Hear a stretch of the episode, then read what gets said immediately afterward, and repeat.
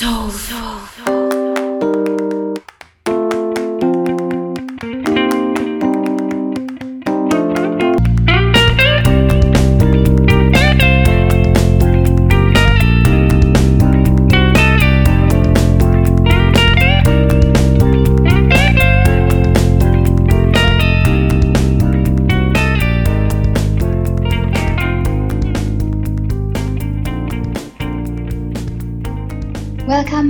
Fellow scientist.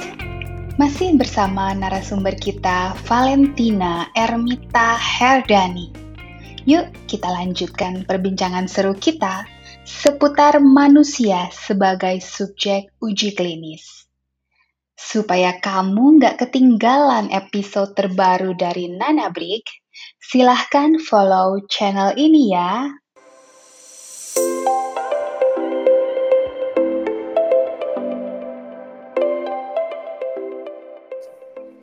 Nah, kalau misalnya menurut si GCP tadi itu ya, hal-hal apa sih yang harus benar-benar diperhatikan oleh seorang klinisi pada saat dia mau mengkondak uji klinis? Mungkin saya akan sampaikan terlebih dahulu tujuan dari prinsip ICH-GCP atau International Council for Harmonization Good Clinical Practice. Pertama adalah eh, kenapa peraturan ini dibuat, prinsip ini dibuat adalah untuk melindungi hak keamanan dan kesejahteraan subjek uji klinik ya. Mungkin saya ulangi lagi.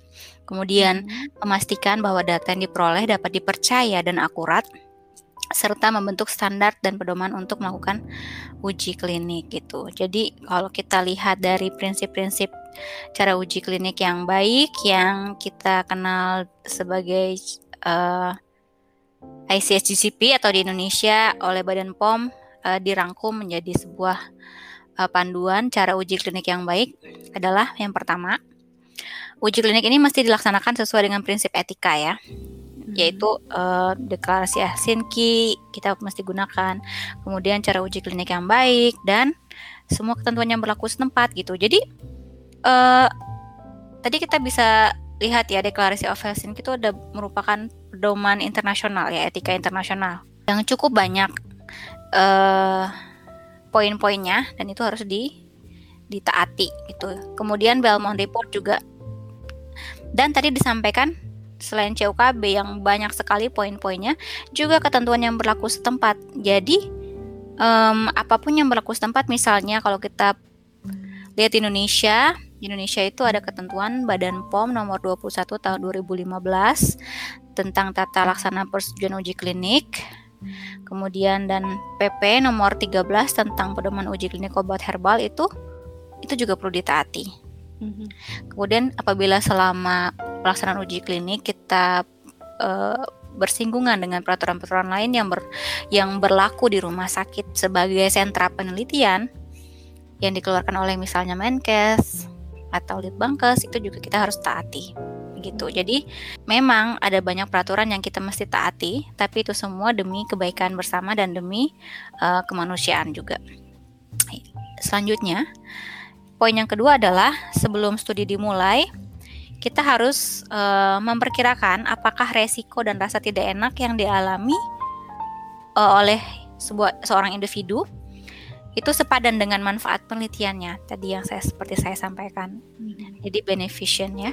Suatu studi hanya dapat dimulai atau dilanjutkan bila kita bisa memperkirakan manfaatnya lebih besar atau minimal seimbang dengan resikonya gitu.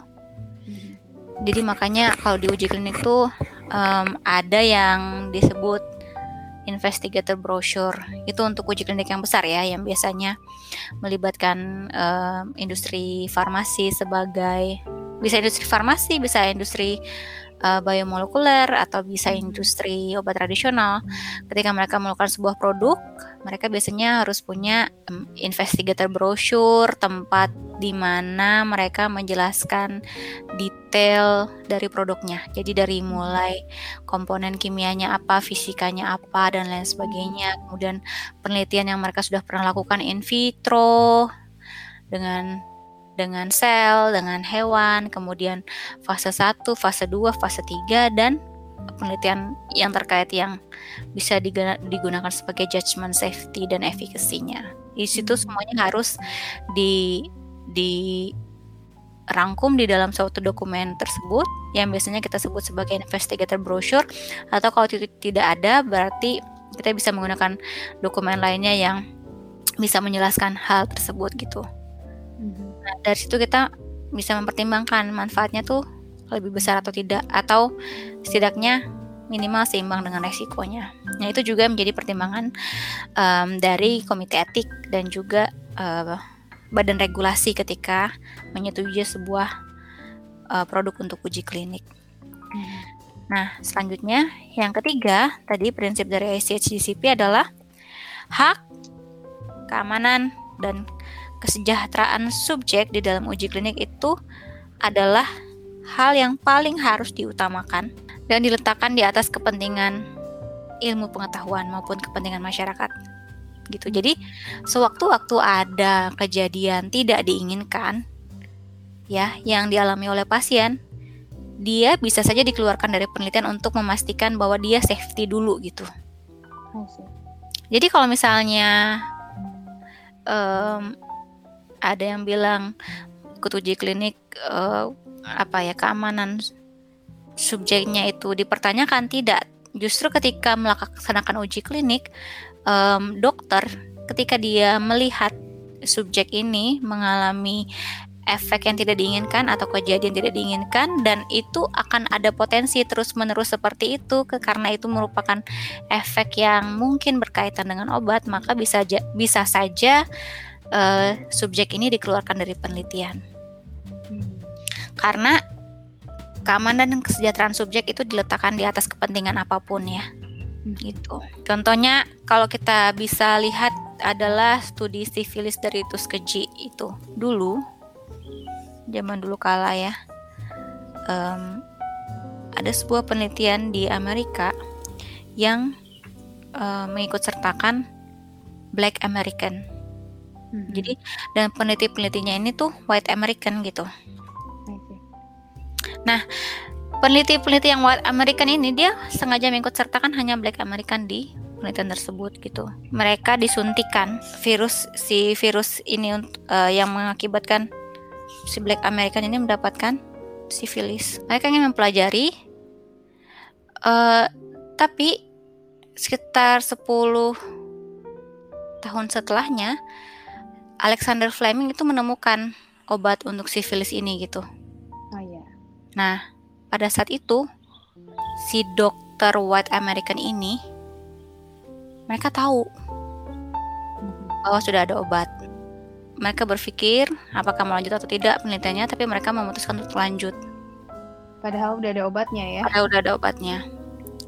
Suatu saat terbongkarlah oleh si subjek-subjek Black American ini bahwa sudah ada obatnya, sehingga mereka merasa mereka ditipu. Dan itu adalah bencana yang sangat besar di Amerika pada saat itu karena uh, mereka merasa itu bukan cuman masalah studi ini tapi masalah ya mereka black American lah tidak begitu perlu diperhatikan dan lain sebagainya. Dan itu menimbulkan kemarahan yang sangat besar di kalangan black American pada saat itu. Dan baru reda setelah berpuluh-puluh tahun kemudian ketika presiden Amerika Serikat George Washington gitu ya kalau nggak salah waktu itu mm-hmm.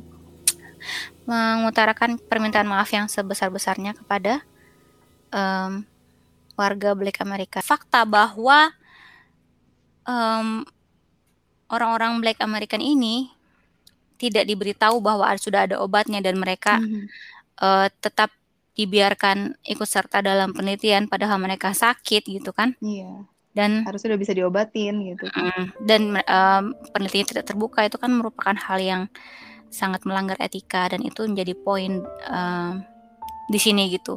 Ketika hmm. kita in, ini kan studi ini kan memang studinya sifilis ya, tetapi dalam hal ini dalam konteks poin nomor tiga keamanan dan kesejahteraan subjek diletakkan di atas kepentingan mana pun ya kepentingan apa pun. pelanggaran Hmm, ini merupakan pelanggaran. Ketika kita sudah mendapatkan suatu kejadian tidak menyenangkan dan ketika peneliti berpikir bahwa itu mungkin terjadi lagi karena ada kemungkinan ini merupakan um, efek yang berkaitan dengan produk uji dan berdasarkan pertimbangan tersebut dirasa bahwa pasiennya akan terus mengalami hal sama dan ini tidak menjadi hal yang aman buat pasien, maka bisa Iya. saja pasien itu dikeluarkan dari penelitian untuk alasan keselamatan gitu. Poin keempat, informasi non klinis dan klinis harus cukup ya tentang produk obat yang akan diteliti gitu ya tadi seperti yang tadi saya sampaikan Dan- brochure itu ya. investigational brochure ya. Bahkan ketika ada investigator brochure bisa jadi kan eh, uji klinik yang kita ikuti itu multi center ya. Sehingga eh, ada uji klinik ongoing yang lain di negara lain pada saat yang sama Mhm. Itu sedang uji klinik produk yang sama, maka apabila ada uji ada kejadian tidak diinginkan yang terjadi di negara tersebut, itu juga harus sesegera yang belum tercatat ya di dalam investigator brochure, itu harus sesegera mungkin dilaporkan. Hmm. dan diupdate di investigator brochure dan diupdate juga di uji klinik yang sedang berjalan gitu ya walaupun eh, itu terjadi di luar negeri gitu. Bisa jadi hal yang sama juga terjadi di uji klinik yang sedang berjalan saat ini di negara kita gitu. Kemudian uji klinik itu harus scientifically sound ya bisa dibilang eh, describe in clear detail protokol jadi harus ada protokol yang jelas protokol itu berisi semua tata laksana penelitian yang secara sistematis harus ada untuk lancarnya penelitian tersebut gitu.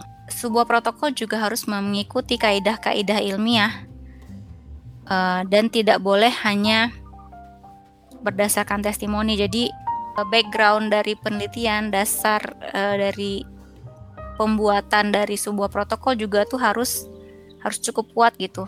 Ini proses yang paling rumit nih bikin protokol. Iya.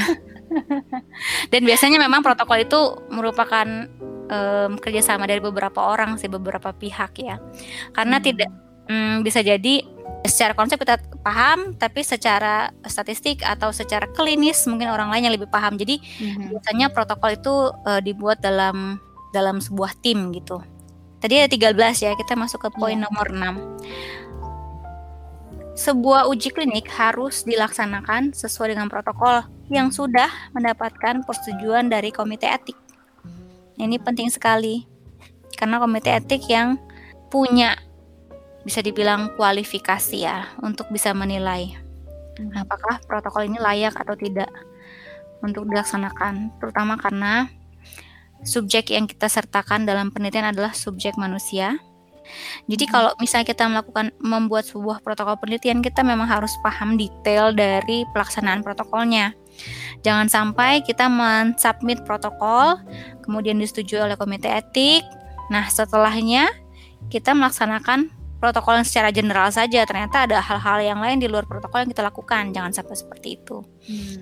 Karena itu tentu saja itu tidak menjadi hal yang ilmiah lagi karena panduannya juga sudah tidak diikuti kan Mhm. gitu. Nah, ketika kita merasa memang harus ada perubahan karena misalnya oh protokol kita kurang ini, kurang itu, oh ternyata ada kejadian tidak diinginkan yang kita temui selama uji klinik berlangsung sehingga hal ini ada beberapa tahapan yang harus dikeluarkan untuk memastikan keselamatan subjek, maka kita harus minta persetujuan komite etik terlebih dahulu gitu.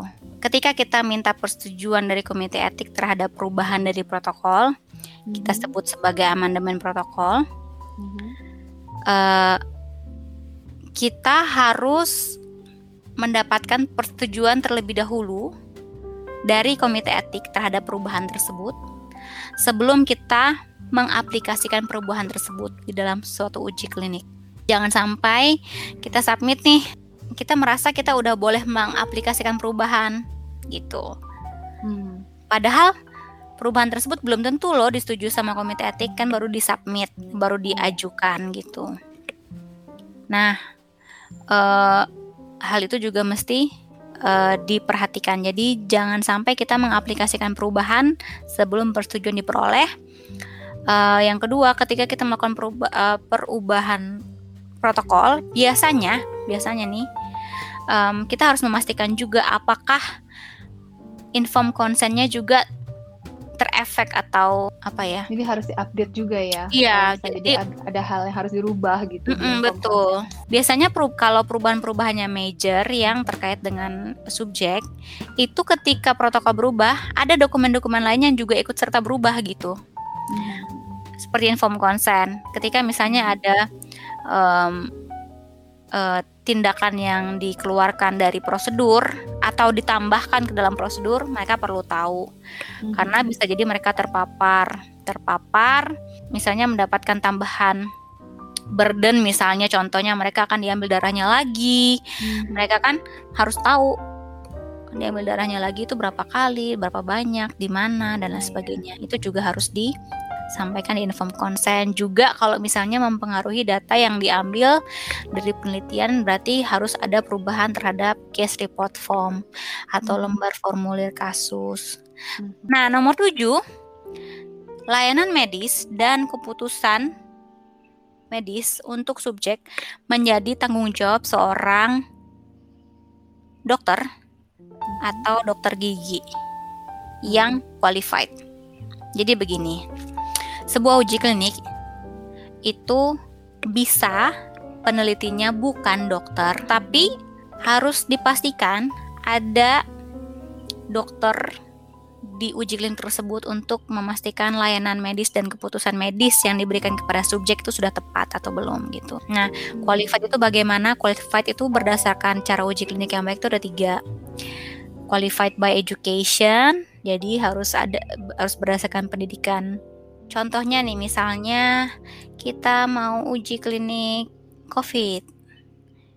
Nah, yang kita ajukan untuk menjadi tim penelitian yang memberikan Hmm. layanan medis dan keputusan medis tentunya harus ada spesialis paru, spesialis jantung, Mhm. dan spesialis lainnya yang terkait ya. Ada beberapa Hmm. kan. Mhm. Mm-mm.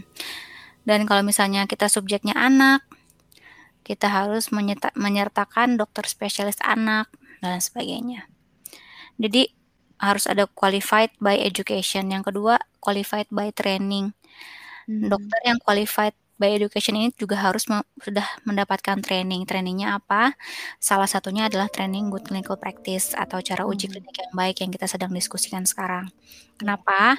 Karena penting buat setiap em, tenaga medis yang ikut serta dalam uji klinik itu untuk mengerti kenapa sih kita harus patuh protokol, kenapa apa sih tahapan yang harus dilaksanakan, eh, bagaimana cara mempertahankan eh, atau memberikan layanan yang tetap memenuhi ke, eh, standar etika dan em, menjunjung tinggi keselamatan hak dan kesejahteraan subjek dan em, semua tindakan harus dilakukan sedemikian rupa sehingga kualitas dan integritas data juga bisa terjamin seperti itu. Jadi eh, training ini penting Mhm. dibuktikan dengan sertifikat. Kemudian eh, yang terakhir adalah qualified by experience. Tentunya semakin banyak pengalaman yang dimiliki oleh peneliti atau tim penelitian akan semakin baik eh, mereka dalam melaksanakan uji klinik. Next, nomor 8. Kalau nomor 8 ini setiap pelaku uji klinik itu harus kompeten ya berdasarkan pendidikan, latihan dan pengalaman untuk dapat melaksanakan tugasnya masing-masing.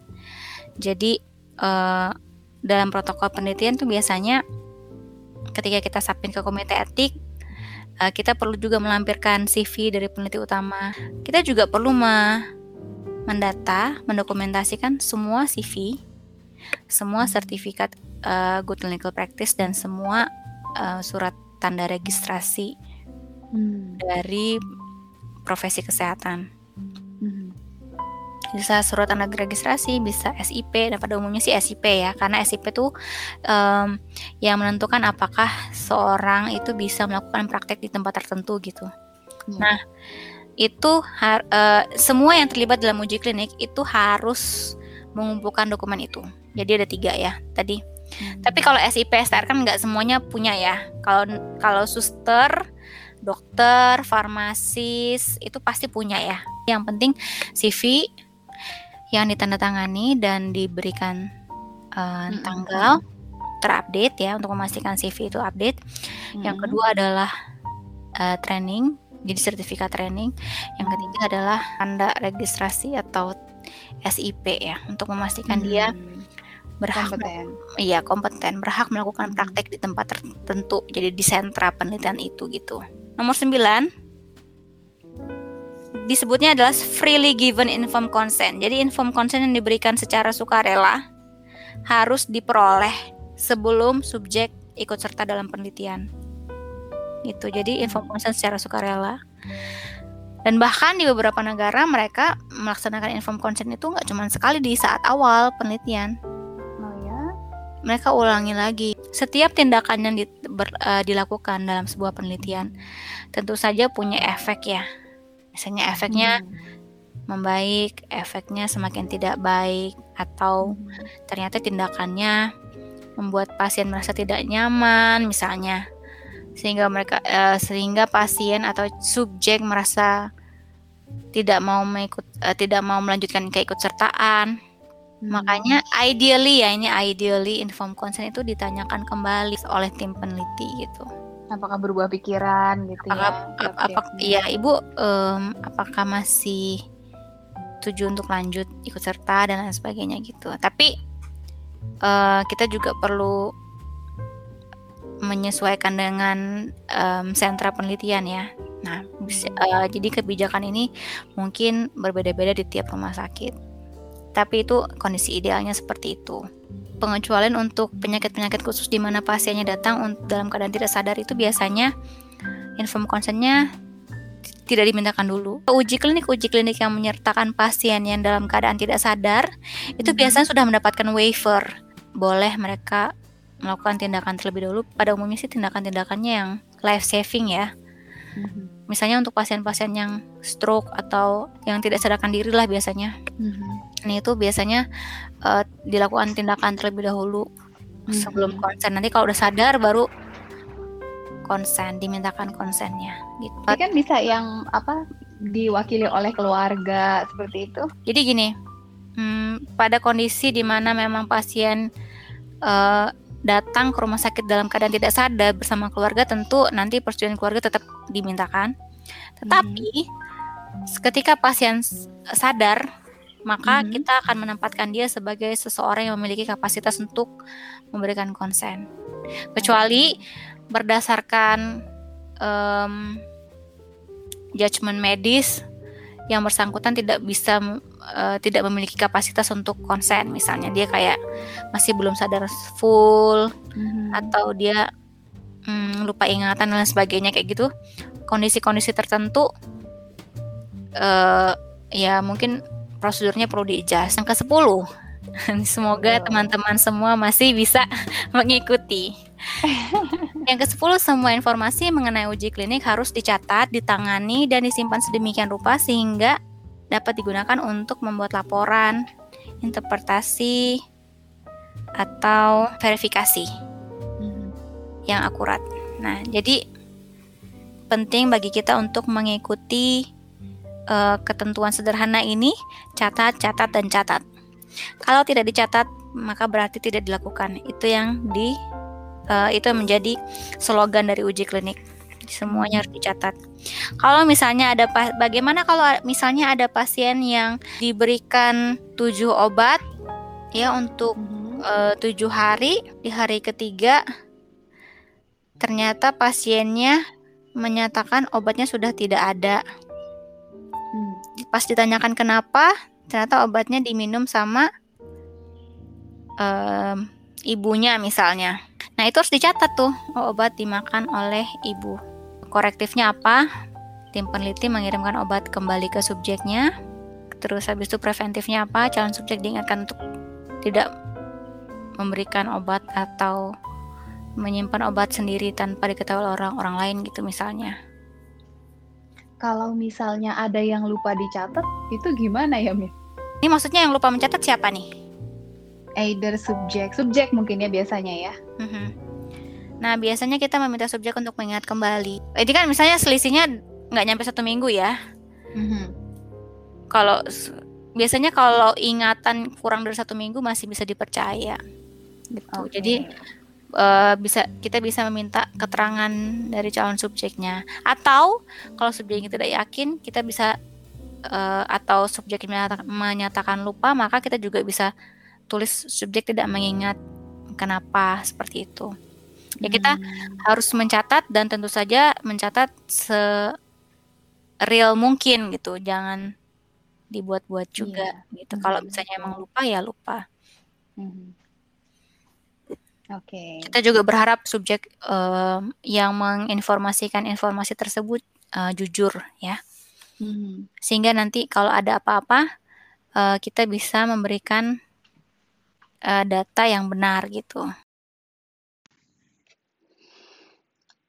Fellow scientist, berbicara mengenai subjek manusia, tentunya ada banyak sekali sudut pandang yang harus kita perhatikan.